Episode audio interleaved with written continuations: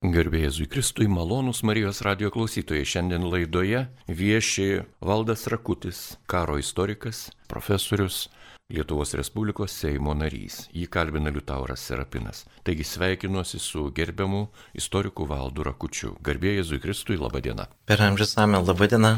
Labai malonu, kad esate čia Marijos radijoje ir atstovaujate istorikų gildyje, ypatingai svarbių Lietuvai metu, nes istorikai, kas jau kas jau istorikai, mums yra be galo, be galo reikalingi šiuo metu. Matome, jog mūsų Lietuvos mūsų tautos istorija dažnai yra interpretuojama labai keistai ir tie dalykai, kurie anksčiau buvo liktai savaime suprantami, šiuo metu darosi kažkokie suklaustukais ir ką kita. O jau kalbant apie tautos, mūsų tautos, mūsų tėvynės, mūsų valstybės, na, tam tikrą gyvavimą ir ypatingai karus, visokiausių plėšimų, agresijos metu, tai ir kyla daug, daug rimtų klausimų. Vienas iš jų yra taip vadinamas tautos genocidas. Kas tai? Ar teisingai vartojame šį terminą, ar suprantame tinkamai, gal turėtų būti kaip nors kitaip ir iš vis, ar tokį dalyką Lietuvoje esame patyrę. Taigi gerbiamas valdai. Na, žinot, žodis genocidas jisai turi tokią griežtą reikšmę ir, na, tautos arba žmonių kažkokios grupės naikinimą dėl to, kad sunaikinti juos kaip grupė, ne už kažkokius tai nusidėjimus ne, ne dėl kažkokių priežasčių, o, o tiesiog dėl to, kad, kad sunaikinti. Dažniausiai tam pasitelkiamas tam tikros ideologinės priemonės arba tiesiog sukūriama kažkokia doktrina politinė, kuri pateisina šitą, šitą daiktą. Tai lietuvių tautos naikinimas jisai yra kaip sudėtinė dalis kitų tokių panašių veiklų, kurios buvo vykdomos istorijos bėgėje. Man nelabai patinka šitas žodis, todėl kad kartais, kada mes jį pasitelkėme, tai iškėpėm vaizdą, paskui dar ten pradedame ginčytis, ar buvo tas genocidas ar nebuvo, periname prie apibrėžimų, bandome iš, išgrininti kažkokius tai dalykus, bet mes nebeturime prasmės viso šito įvykio, nesuvokiam jo priežasčių ir todėl labai dažnai, na, taip atrodo, arba taip, arba ne. Tai taip istorijoje nebūna, istorijoje būna kitaip, subtiliau, labiau kompleksiškai ir labiau išsitęsę laikė, negu žmonės linkia mąstyti. Tai kalbant apie tai, ką mes patyrėme Lietuvoje, tai turime labai ilgą, ilgą iš tikrųjų laiko tarpą, kada vyksta panašus reiškiniai, aš sakyčiau, nuo 16 amžiaus maždaug vidurio.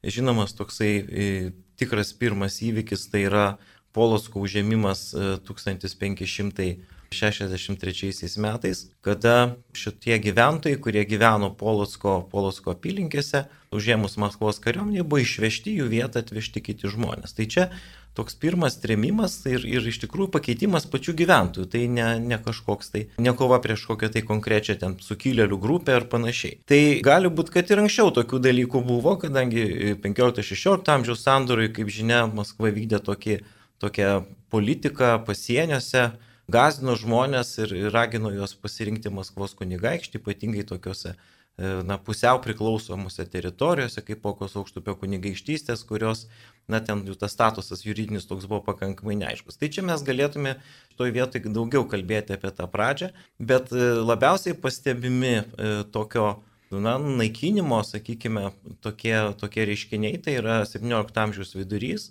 didžiųjų nelaimė metas 1655 metais, kai didelė dalis rytų Lietuvos yra užimta Maskvos kariuomenės.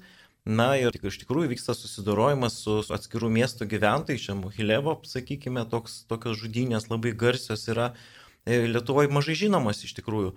E, taip pat, taip pat ir kitose srityse. Na, jeigu čia ne viens, kaip sakant, su Maskva kalbėti, tai turime, aišku, ir, ir švediškų čia visokio apraiškų, bet, bet švediškos tos apraiškos jos jau mažiau būtų tinkamos, apie, kalbant apie naikinimą, tai buvo tiesiog vietinių gyventojų nepaklusimas nurodymams ir tada jų baudimas už tai. Bet žinoma, mūsų didžiosios nelaimės, mūsų, mūsų naikinimas yra XIX amžius ir XX. Čia šitie laikotarpiai yra ypatingai, ypatingai svarbus.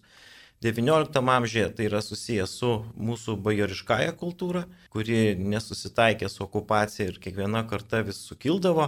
Tai čia reikėtų, reikėtų paminėti Tado Kosiuško sukilimą kaip patį pirmąjį, vėliau 1812 metų kampaniją, kurioje irgi kartu su Napoleonu buvo bandoma kažkaip atgauti tą laisvę.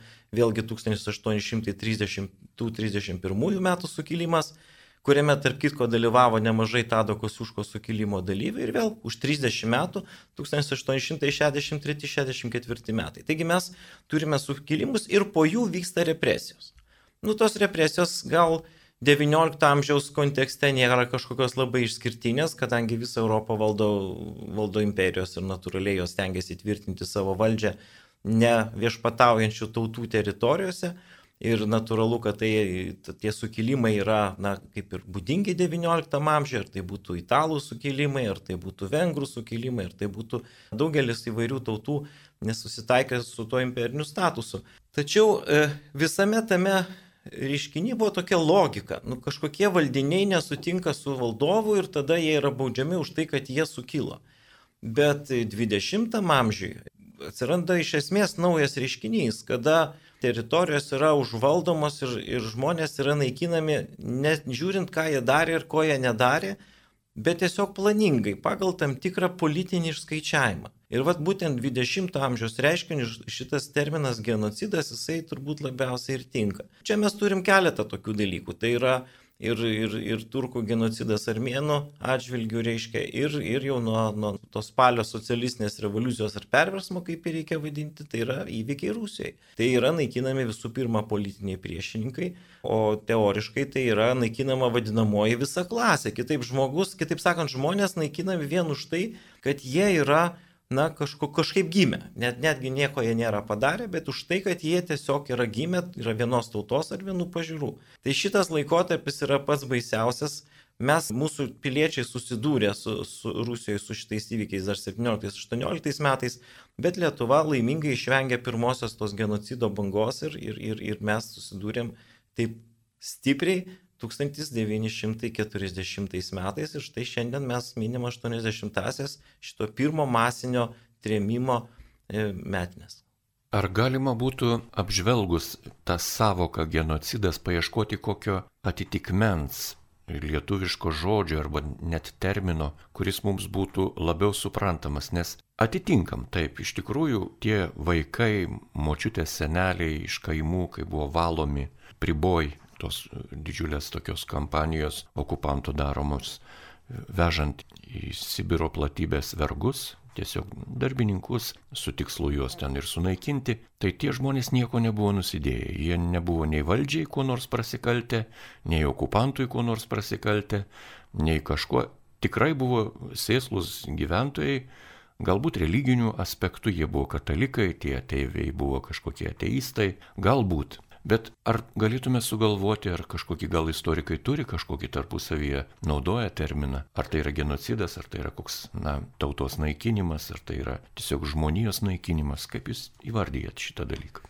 Na, iš tikrųjų, dažniausiai naudojamas e, žodis genocidas, tai yra tarptautinis žodis ir tada savaime suprantama, kad jis yra blogis, bet jisai neatspindi visų aspektų. Kadangi tautos naikinimas, jisai apima ne tik tai tokias na, baisiasias formas kaip tremtis, kaip naikinimas, kaip sudinimas į kalėjimus, bet taip pat ir kitos formos, vadinkime šiandien jos minkštausiomis galiomis, kurios tarsi atrodytų būtų legalios. Vat man tas legalinimas šitų veiklų labiausiai ir nepatinka, nes nu, negalim užimti krašto ir ten su juo elgtis, elgtis kaip nors. Na, bet kokia okupacija yra blogis, bet sakykime, yra tos okupacijos tokios civilizuotos ir necivilizuotos.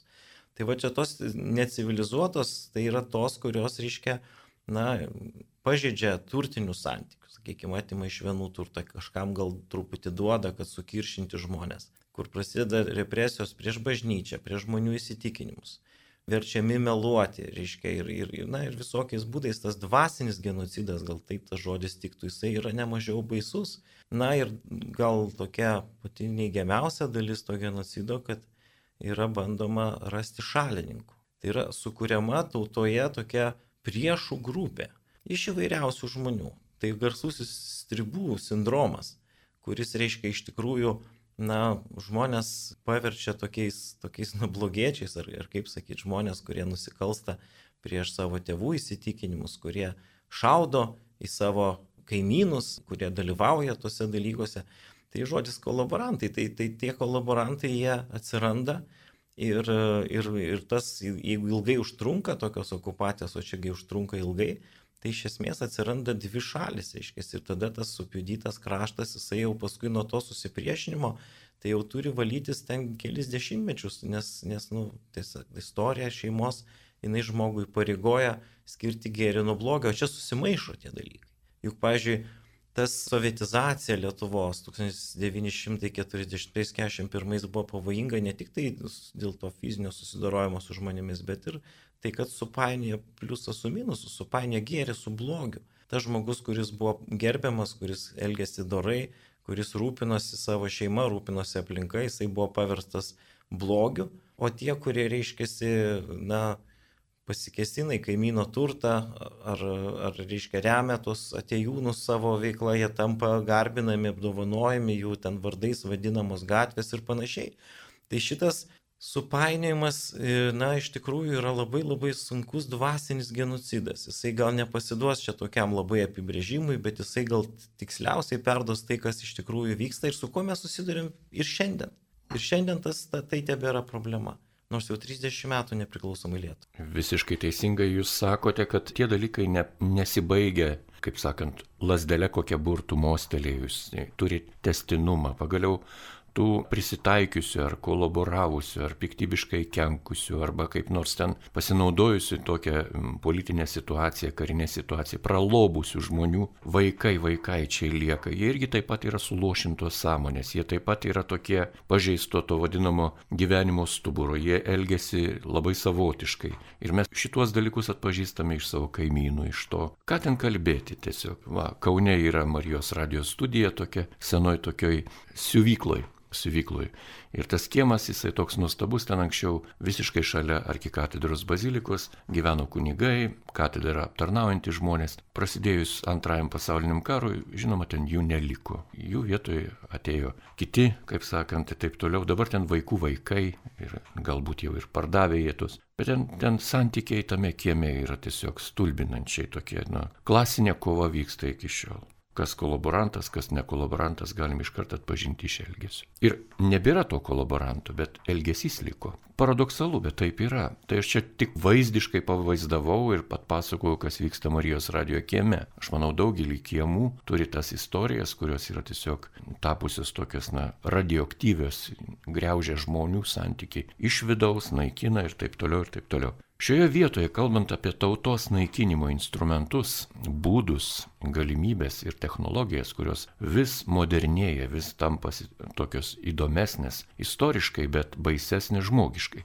mes turime šalia pavyzdį, labai konkretų pavyzdį. Tai Prūsijos valstybė, tai, tai Vokietijos dalis, kuri šiuo metu yra kas? Prūsija? Ne. Kas yra šiuo metu karaliaučius? Kas yra šiuo metu karaliaučiaus kraštas? Karaliaučiaus kraštas yra Tark kitko, Vokietijai tas kraštas priklausė be jokios abejonės, bet jisai visada buvo kitoks. Todėl, kad šitam krašte gyveno ir daug kitų tautų. Ir lietuviai, tie patys prūsai, save taip vadinantys žmonės, jų dar tebėra. Taip pat gyveno labai ypatinga e, Lenkų tautos dalis mozūrai, kurie kultūriškai irgi nebuvo nei katalikai, nei, nei susiję kažkaip su, su didžiaja ar mažaja Lenkija, tai buvo labai savita grupė. Tai šita visa kultūra jinai buvo tiesiog nušluota. Jos tiesiog neliko kad Europoje vyktų toksai išvežimas, išvalymas ir pakeitimas, taigi ne, negirdėtas dalykas. Žinoma, galim rasti istorijų pavyzdžių, kur panašus dalykai vyko 30 metų karo metu, yra Magdeburgo žudynės labai garsios, bet apie jas kalbėjo visas pasaulis kaip kažkokį išskirtinį atvejį. Bet, tai, bet čia vyksta na, mūsų laikais, pakankamai civilizuotais laikais. Didžiuliai žmonių perkelimai iš vienos vietos į kitą Tai neįprastas dalykas. Europos kultūrai paprastai gyventojų niekas kažkur tai nestumdydavo. Žinoma, kai kurie religiniais sumetimais patys pasitraukdavo į tyrus, į kažkokias mažiau apgyventas teritorijas, taip Junktinių Amerikos valstybių istorija yra daug tokių sektantų pasitraukusių, ar Pietų Afrikoje reiškiasi garsieji būrai taip įsikūrė, bet tai jie padarė patys, iškia savo, savo norų, nu, gal kartais netrukdant valdžiai.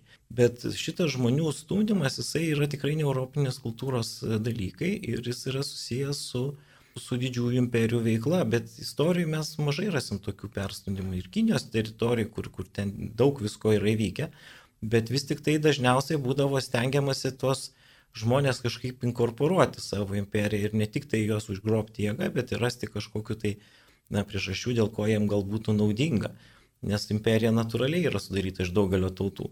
Bet tai tokie gyventojų naikinimai, kokie vyko Sovietų sąjungoje, Sovietų Rusijoje, paskui Sovietų Sąjungoje ir, ir, ir pasiekė tą kultūrą mus 40 metais, tai neregėtas mastas yra. Čia galima būtų netgi palyginimą tokį padaryti, kad žinot, imperijų kūrimui visada reikalingi žmonės. Ir tie paprasti žmonės, tai yra vergovės priežastis. Na, ir, ir žinoma, kad Europinės valstybės aktyviai dalyvavo vergų priekyboje iki pat XIX amžiaus vidurio ir, sakykime, tie tom plantacijom užvaldyti buvo ne tik stengiamasi atvežti iš, iš Afrikos žmonės, bet ir, ir, ir rasti ir kitokių žmonių, kurie, kurie galėtų čia kažkaip tai veikti.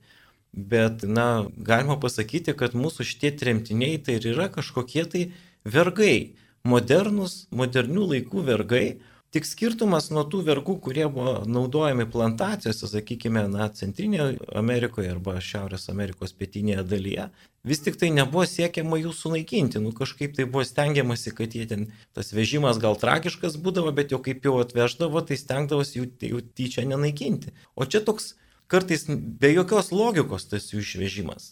Tarsi neaišku, kam ten į tokią, tokias sąlygas, nu minimaliai užtikrinti mažesnį mirtingumą.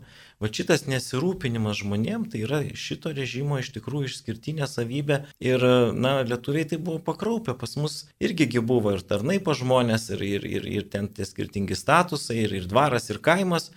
Bet šitaip nesirūpinti žmonėmis, tai čia buvo va, tas, čia tos krikščionybės nebuvimas. Aš čia taip tiesiai sakau, nes mūsų tremtis XIX amžiui, nu tokio neturėjo aspekto vis tiek. Taip jau ne, netremdavo žmonių visiškai į niekur ir visuomet kažkokia logika buvo. O čia logikos praktiškai jokios, išskyrus tam tikrą marksistinį apskaičiavimą, kad yra klasių kova ir tos, tas, tas klasės, kurios teoriškai paskaičiavus nepritaps prie sovietų valdžios, jas reikia naikinti iš esmės. Bet to aš manau, kad ne paskutinę vietą vaidino ir vaidmuo, kad kūrimas, kūrimui tų visų kolhozo ar tarybinių ūkių reikėjo tiesiog turėti materialinę bazę. Nu, tai tokiu būdu tai irgi sudarė kažkokią logiką. Žinau, kolektivizacija čia gal jau vėlesniais laikais truputėlį veikia, bet, bet čia tai tikrai užteko to. Bet nesiskaitimas su žmonėmis. Čia šita kultūra mums visiškai svetima ir, ir mes su jie susidūrėm, kaip sakant, veidų į veidą su šita baise kultūra.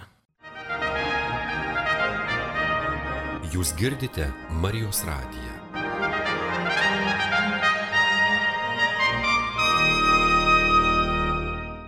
Malonus Marijos radio klausytojai, jūs girdite laidą, kurioje kalbame apie tautos naikinimą visapusišką tiek kultūrinį, dvasinį, fizinį, moralinį, istorinį, net ir atminimo naikinimą, net ir fizinį žmogaus kaip kūno, kaip kūrinio naikinimą, kaip tikinčio žmogaus naikinimą. Ir, na, terminas genocidas visiškai nebeatspindi viso to, viso to plataus apriepties darbo, kas buvo naikintojų naudojama šitoje baisioje istorijoje. Ir mums apie tai pasakojo Valdas Rakutis, karo istorikas, Lietuvos Respublikos Seimo narys.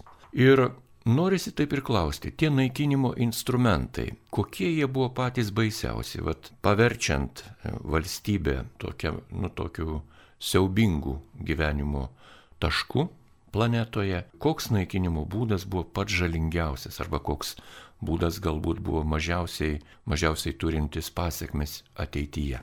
Na, tuo metu, kai žmonės gyveno, tai žinoma, jiems svarbiausia buvo išsaugoti savo gyvybę. Tai čia buvo pats, pats toks baisiausias dalykas, nes, na, nu, ypatingai kada tas naikinimas paliečia jaunus žmonės, vaikus, nes tremtyse daug vaikų gimė ir pačiam, pačiom pirmom dienom net nepakėlė tų sunkių sąlygų, trūkstant maisto, esant šalčiui ir taip toliau. Tai čia, žinoma, tuo metu tai buvo pats baisiausias dalykas. Tačiau per 30 metų žmonių nuostoliai paprastai atsistato. Mes žinome iš karų istorijos. Įvairiuose regionuose, kur karas yra nuolatinis palidovas, pavyzdžiui, dabartiniai Belgijai, ten kas 30 metų praktiškai vyko reguliariai karai 17-18 amžiui Tai per 30 metų gyventojų skaičius atsistato. Na tiesiog užauga nauja generacija, gimstamumas didelis, atsiranda daugiau. Tai, tai tas, tas lengviausiai pasirodo atstatomas dalykas, bet pats baisiausias dalykas yra tai, kad yra užnuodėjama žmonių sąmonė ir pakeičiamos jų, jų iš esmės tradicijos. Tai šitas metodas, jisai yra daug ilgiau veikiantis ir jis net neatsistato, todėl kad tie žmonės pažeisti šitos propagandos, šito naujo mokymo, šitos ideologijos, jie na, jie turi savo vaikus, turi savo anūkus, tai turi tesinį. Ir tokiu būdu, reiškia, šitas pasikeitimas, jisai eina ir toliau. Na, kad ir Prancūzija, paimkim, aš nu, noriu pabėgti nuo to tokio anti, antimaskvietiško naratyvo, apie kurį čia mes vis kalbam, bet kad ir pažiūrėkime Prancūzų revoliuciją. Tai irgi susipriešino tauta, iki tol gyvenusi vienoje valstybėje, vieni tapo ten revoliucionieriais, kiti kontrrevoliucionieriais, o tie kontrrevoliucionieriai pasirodo yra irgi revoliucionieriai, tai, kitaip sakant, toks susipriešinimas, susipriešinimas. Ir kažin ar Prancūzija iš tikrųjų pagyjus yra nuo šito daikto. Ta, ta revoliucija tęsiasi, reiškia, jinai vis atrodo, kad kaip ir, nes įteisintas smurtas, jisai nieko gero nesukuria. Jisai skatina žmonės ir toliau ieškoti tokių būdų ir tik stipri karinė jėga, paskui naujoji kažkokia ideologija padeda tą valstybę kažkokiu būdu sutelkti. Bet tas, sakykime, revoliucijos genas, jisai, jis yra pavojingas, nes žmogus nepatenkintas savo situaciją, jisai linkęs ją keisti jėga, brutaliai. Ir tai yra iš tikrųjų įteisintas smurtas. Tai visiškai priešinga krikščioniškajam mokymui, kuriame kaip tik yra kalbama apie tai, kad reikia ieškoti sutarimo, reiškia, reikia, reikia atleisti, reikia ten kitą žandą sukti. Čia Lietuvoje labai tas daugiausiai puolamas yra šitas dalykas, bet čia yra labai gili religinė tiesa, kuris sako, kad venk smurto, nes smurtas jisai paveikia ne tik tą, prieš kurį jis yra naudojamas, bet ir tą, kuris naudoja smurtą. Jo viduje taip pat įvyksta labai esminiai pokyčiai. Nužmogėjimas vyksta. Nes vis tik Dievo įstatymai, na, įsakymai, jie yra esminis dalykas. Jų niekas negali, negali pakeisti, joks parlamentas, jokia valdžia, nes jie yra paremti dangiškoje išmintimi ir žmonės, kurie nukrypsta nuo tų normų, anksčiau ir vėliau ateina prie, prie baisių pasiekmių. Tai aš manau, kad šitas sunkus laikotarpis labai aiškiai iliustruoja, kas atsitinka, kai žmonėse nebelieka Dievo. Ir va čia tas 19 ir 20 amžiaus tremčių palyginimas jisai įrodo, reiškia, Rusija dar buvo, sakykime, krikščioniška, Ir ar tie, ar tie, reiškia, ten papuldavo tų baisių žmonių, tų prižiūrėtojų, lydėjusių, bet iš principo žmonės buvo linkę vieni kitiem padėti ir suprasti, nelaikė blogių iš esmės. O ką pasakoja mūsų tremtiniai, kada jie atvažiuodavo, reiškia, tai ten tais ideologinis paruošimas vietinių gyventojų, kurie, reiškia, laikydavo fašistais tos atvykusius visiškai nieko bendro su fašizmu neturinčių žmonės, Ir tas toks, na, ir ten, žinot, vykdavo kova tarp krikščioniškosios Rusijos ir tos jau sovietinės Rusijos, tų pačių vietinių gyventojų tarp. Tai vad mes čia matom labai aišku tą religinį motyvą, kad vis tik tai dora yra, na, neapsaugo nuo visų nelaimių, bet padeda lengviau jas pergyventi ir išlaikyti žmogišką įveidą pačiose sunkiausiose situacijose. Na ir truputį laidoje skirkim laiko pačiam trėmimo faktui, kuris Lietuvoje nebuvo vienadienis dalykas ir nebuvo taip atsitiktinai įvykęs dėl kokios nors provokacijos, bet buvo planinis dalykas, sumastytas, sugalvotas, kaip sakant, buvo parengtas labai skrupulingai šitas planas. Trėmimai Lietuvai, ką jie davė ir ko jie nedavė Lietuvai, jūsų išvalgos. Na, mes iš tikrųjų pirmiausia patyrėm didelį smūgį kaip tauta, nes e, vis tik tai mūsų sėkmė 20 amžiaus pradžioje, tam lais, laisvo gyvenimo 20-metį buvo stulbinanti. Tyrėjai vienu balsu tvirtina, kad Lietuva padarė turbūt didžiausią progresą iš visų Baltijos šalių, žinant, kad mūsų startinės pozicijos buvo labai prastos, nes vis tiek Latvijas tai jie neturėjo tokio daikto kaip spaudos draudimas, neturėjo suvaržymų religinio pobūdžio, reiškia, jie, jie na, galėjo kalbėti savo kalbą ir melsti saviem dievam. O mums reikėjo viską padaryti per tą 20-metį, tas analfabetizmas, kuris buvo Lietuvoje. Ir štai po tokio didžiulio progreso mes patenkam 40 metais tokia mėsmaliai, tokie, tokie, tokie baisų. Ir, ir kas? Tie, kurie geriausiai dirbo, tie, kurie mokėjo geriausiai tvarkytis, tie, kuriem rūpėjo valstybė, tiem, kuriem rūpėjo vaikai, mokytojai ir visi kiti. Tai per šitą elitą ėjo koncentruotas, nutaikytas smūgis tam, kad išmušti iš šitos tautos tą jau užsimesgusi naują Lietuvos elitą, kad jį, jį sunaikinti arba nustumti šoną, padaryti nebeveiksniu. Tai, na, žinot, čia yra, yra tas skriptingas smūgis, jisai mums buvo ypatingai skaudus. Ir tai nulėmė du tokius dalykus, kad progresas Lietuvoje labai stipriai sustojo, O kita vertus, tie, kurie nuvažiavo į tą Sibirą, nu vis tik buvo selektyviai atrinkti geresni žmonės. Čia kalti, nekalti, tai nesvarbu, bet reiškia, jų tarpe buvo labai daug inteligentų, buvo labai daug žmonių išsilavinusių, dorų žmonių, mokančių tvarkytis, reiškia. Ir dėl to toks keistas efektas. Grįžę tremtiniai atgal į Lietuvą tampa vėl moraliniu autoritetu. Nors atrodytų, kad jau jie tenagi buvo visai sunaikinti, nei turėjo turto grįžę, nei turėjo ten ryšiai nutraukyti žmonių Bet žiūrėkit, labai greitai viskas atsigavo ir jau 90-91 metais, 88 metais mes matom tremtinių vėliavas visose sąjūdžio mitinguose. Nors tai yra nuskriausti žmonės ir jie, na, išgazdinti žmonės ir jie žino, kas bus, jeigu laikai pasisuks vėl ne į tą pusę, bet jie vis tiek čia yra. Tai tas vat yra, man rodo, reiškia tas, kad tai mus labai skaudžiai užgavo, bet tremtiniai, politkaliniai buvo sveikesnioji tautos pusė. Taip jau atsiranda ten. Ir Sibirė, ir ten tiek, ir tiek kiti ten kitos tautos, kur gyvena, irgi panašių būdų atrinkti. Ir tas Sibirioko efektas, man atrodo, ir tuo ir paaiškinamas, kad, kad tai buvo selektyviai atrinkti geresnėjai žmonės. Na, o tęsiant dar tą, tą pačią mintį, kas mums labiausiai tą žalą padarė dar, tai žinoma padarė mūsų jaunosios kartos nuodimas. Tos mokyklos. Aišku, 40-41 metais per tokį trumpą laiką ten greitai nieko nespėjo padaryti, bet jau po antro pasaulinio karo tos mokyklos, kurdamos tas, tas socialistinės vertybės, jos šiokį tokį efektą pasiekė.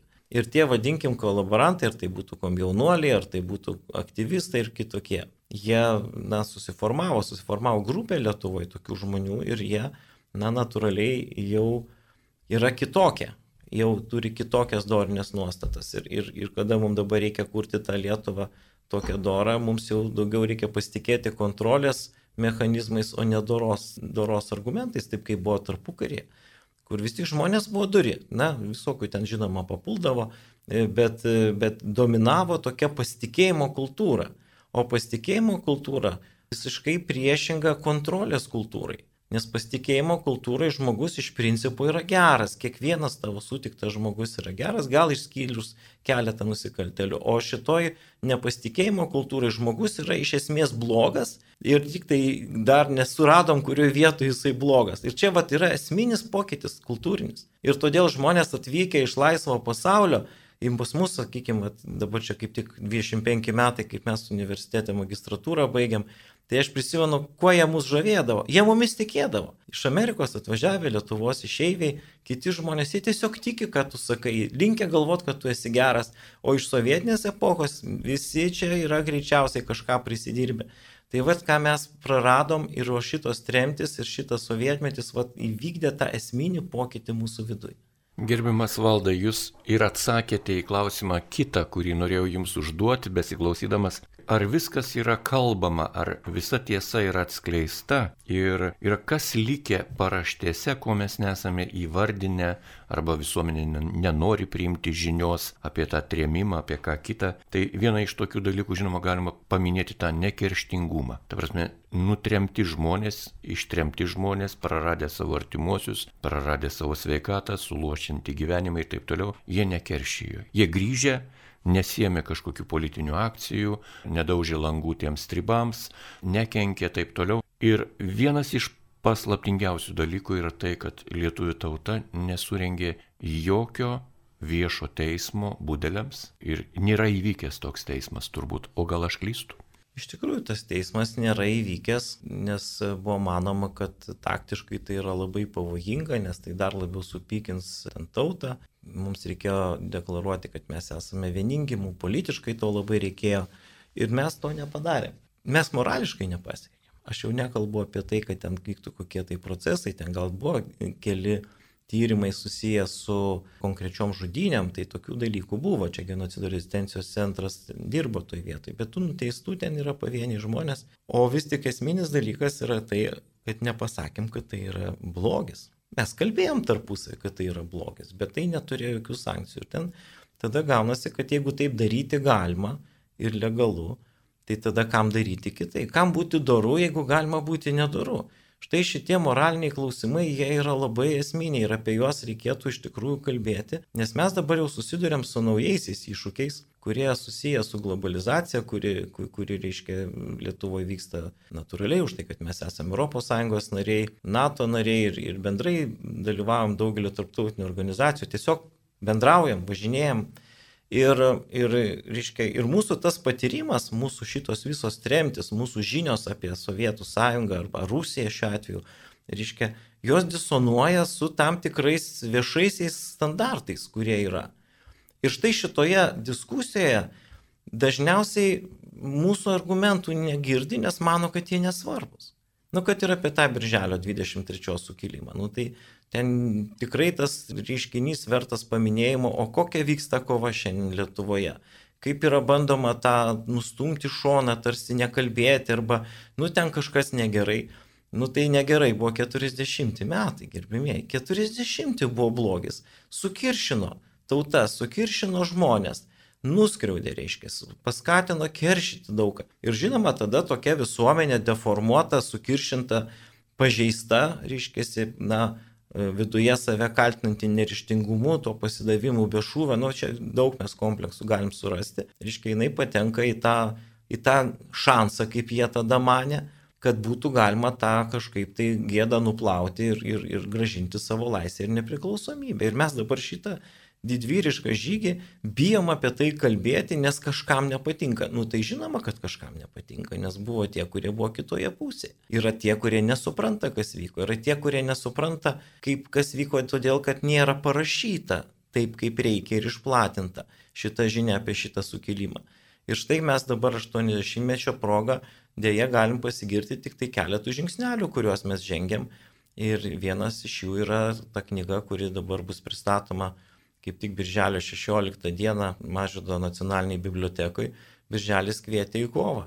Tai tikrai yra na, epochinis leidinys, kuriame daug yra originalių ir, ir tekstų, ir istorikų pasisakymų, bet taip pat ir dokumentų, kuris parodo, kad tas, reiškia, jau bandomas mums įpiršti naratyvas, kad tas sukilimas vos ne prieš žydus buvo, reiškia, prieš vieną iš Lietuvos, Lietuvos tautų, tai jisai iškreipia vaizdą. Netoks sukilimo tikslas. Sukilimo buvo gražinti buvusią santvarką, kaip ir visų sukilimų. Gražinti laisvę ir nepriklausomybę. O kad ten tokiuose reiškiniuose visą laiką būna visko, tai natūraliai.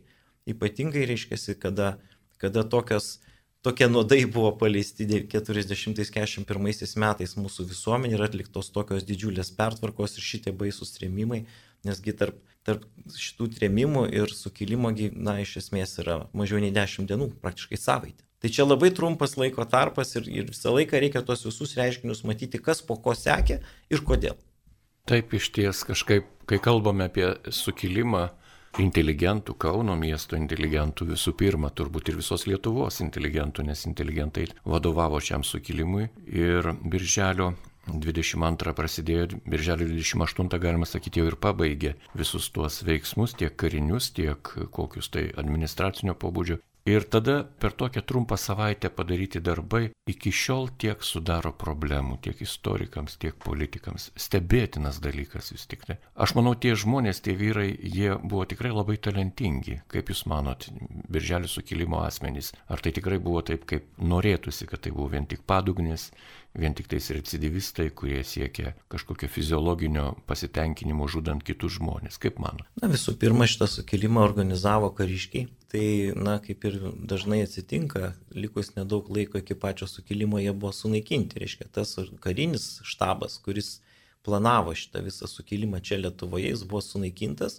Na ir tada natūraliai tas valdymas pateko į kauniečių rankas. O Kaune sukilėlių pagrindas sudarė na, iš esmės opozicija smetonai.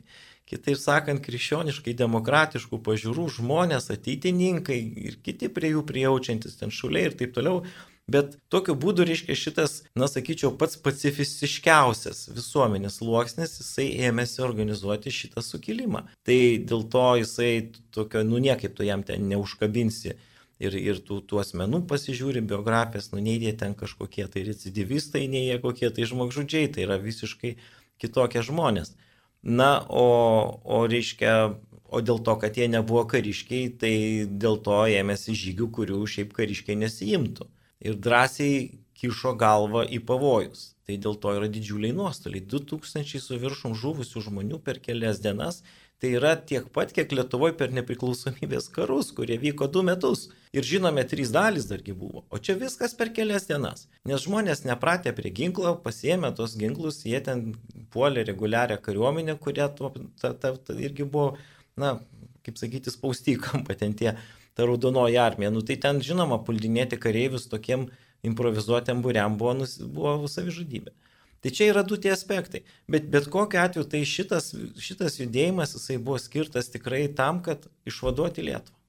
Na ir kalbėdami apie birželio sukilėlius mes natūraliai prieiname prie dar vieno klausimo. Ar šiuo metu tauta, tautos piliečiai, aš kalbu ne vien apie lietuvius, kurie gyvena mūsų valstybėje, daug tautybių gyvena, ar yra padarę tinkamas išvadas istoriškai, morališkai, religiškai, intelektualiai, kultūriškai apie tautos naikinimo žalą, apie tą vadinamą trėmimų kultūrą, apie tą kolaboravimo kultūrą, prisitaikymo arba tiesos nutilėjimo, sukūrimo kitų konstruktų kultūrą. Kaip Jūs manote, ar esame padarę tinkamas išvadas?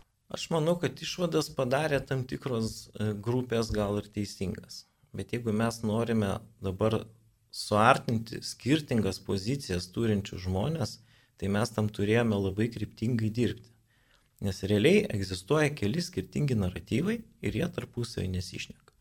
Vat kai buvo e, sausio mėnesį čia mano toks garsus pareiškimas, kuris ten, na, toks labai jau nuskambėjo čia Lietuvoje, tai tikslas ir buvo to pareiškimo, kad jau nuo sausio mėnesio pradėti diskusijas, sodinti žmonės skirtingų pažiūrų prie stalo, nes tik tokiu būdu ir vyksta koks tai suartėjimas.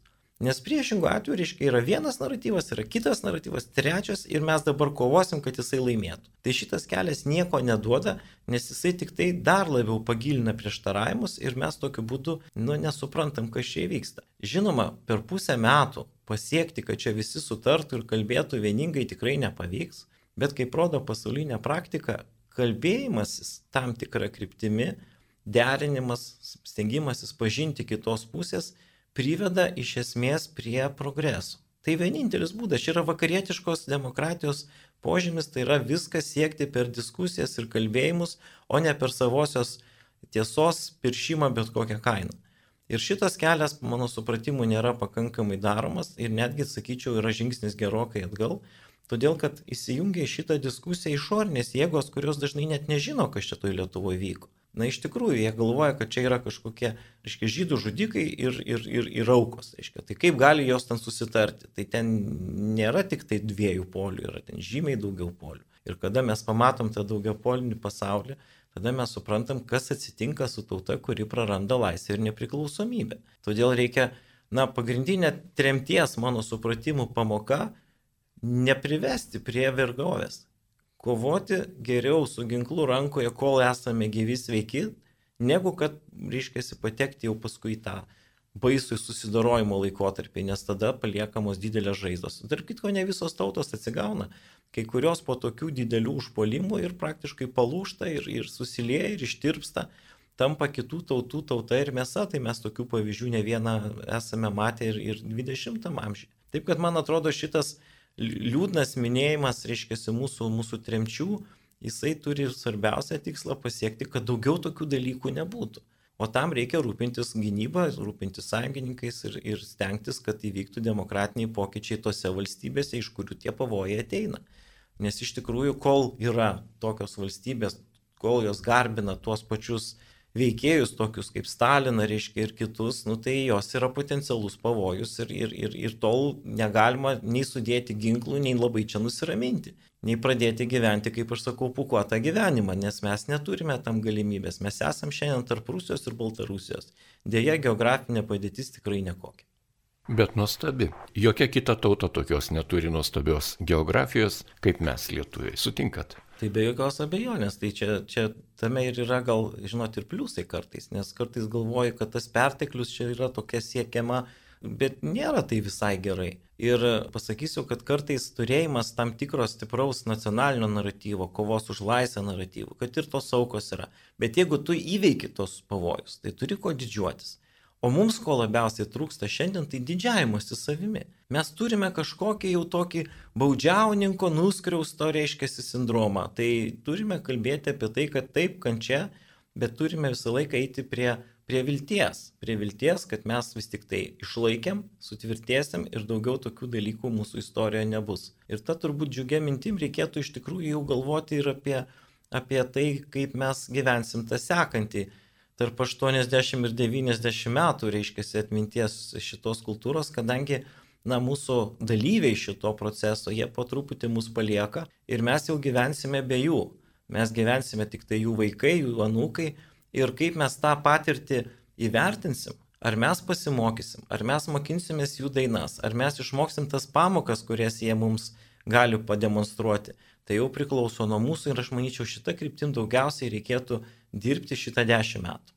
Aukso žodžiai jūsų, jūsų lūpose tikrai išeina, palieka mus akivaizdus tiesioginiai antro pasaulinio karo liudytojai, žmonės, kurie ir aukojosi, ir kurie buvo aukomis, ir kovotojais. Ir tame tarpe buvo ir tų prisitaikelių, tame tarpe buvo ir tų pačių naikintojų. Ir aukso žodžiai, kaip mes toliau gyvensime kitą dešimtmetį, kai nebėra jau liudininkų ir tikrai ant savo širdies, ant savo, kaip liaudiškai sako, ant savo kailio patyrė visą karo baisumą. Taigi labai dėkoju Jums gerbiamas Valdai Rakutį už pasidalinimą, už istorinės išvalgas. Manau, kad radio klausytojams jos bus be galo naudingos, nes kalbėti taikiai apie karą yra tikrai menas ir kalbėti apie Lietuvą valstybė, kuri yra kruopelytė, mažytė, mažytė valstybė, šalia tokių galingų valstybių, kurios visą laiką Lietuvą laikė grobiu ir vergais, pigia vergo jėga, kurią galima tik pasinaudoti, tik nuskriausti. Na, tikrai yra prasminga ir manau prasminga yra ne vien tik mums lietuviams, bet ir toms didelėms valstybėms, kurios Lietuvą dažnai naudojo Laidos pabaigai gerbiamas valdai, ką palinkėtumėte mūsų tautos jaunai kartai ir tiems žmonėms, kurie ieškos tiesos istorijos kelyje? Manau, kad žmonės, kurie jauni, na, kaip sako, jaunystė yra didelė nelaimė, bet laimė greit praeina, na, čia toks baisus pajokavimas, bet tai yra, visi mes esame tam tikrame judėjime nuo vaikystės link senatvės. Ir labai svarbus, koks yra ryšys tarp kartų. Ir ta skaudi tokia patirtis, jinai nėra malonė. Ir žmonės dažnai jos ją ignoruoja, na tiesiog skipina, va toks žodis yra toks baisus šio laikinis. Tai nereikia to skipinti, todėl kad jie yra mūsų išlikimo kodai. Šita visa informacija reikalinga tam, kuris sako, kaip mes sugebėjom išlikti šitose sunkiose sąlygose. Ir jeigu kartais vėl atsitiks kokie tai sunkus laikai, mes turime tikėti, kad irgi atlaikysime. Tai štai dėl to reikia domėtis tom istorijom, nes mes gyvenam ne Niderlanduose ir ne Austrijoje ir ne Ispanijoje, mes gyvenam šitam centrinės rytų Europos krašte, prie ribos su rytų Europą, tai yra kultūrų, religijų tam tikra sandūra ir jinai vis dar yra aktyvi, kaip kokia nors, kaip trūkis koks nors tektoninis, reiškia kokia vandenino dugne, kur veržiasi vulkanai. Todėl turime išlikti stiprus, tikėti Dievą ir remti vienas kitą. Ačiū Jums, gerbiamas valdai, malonus radio klausytojai. Šiandien su Jumis bendravo Valdas Rakutis, istorikas, profesorius, Lietuvos Respublikos Seimo narys ir pasakojo apie tai, kaip turėtume suprasti, pažinti savo tautos istoriją, kaip turėtume įvertinti tam tikrus istorinius įvykius, faktus, kokie jie bebūtų - skausmingi ar džiaugsmingi. Taigi, ačiū, kad šią valandėlę buvote kartu su mumis. Klausimus gerbiamam istorikui Valdui Rakučiui uždavė Liutauras Serapinas. Likite su Marijos radiju.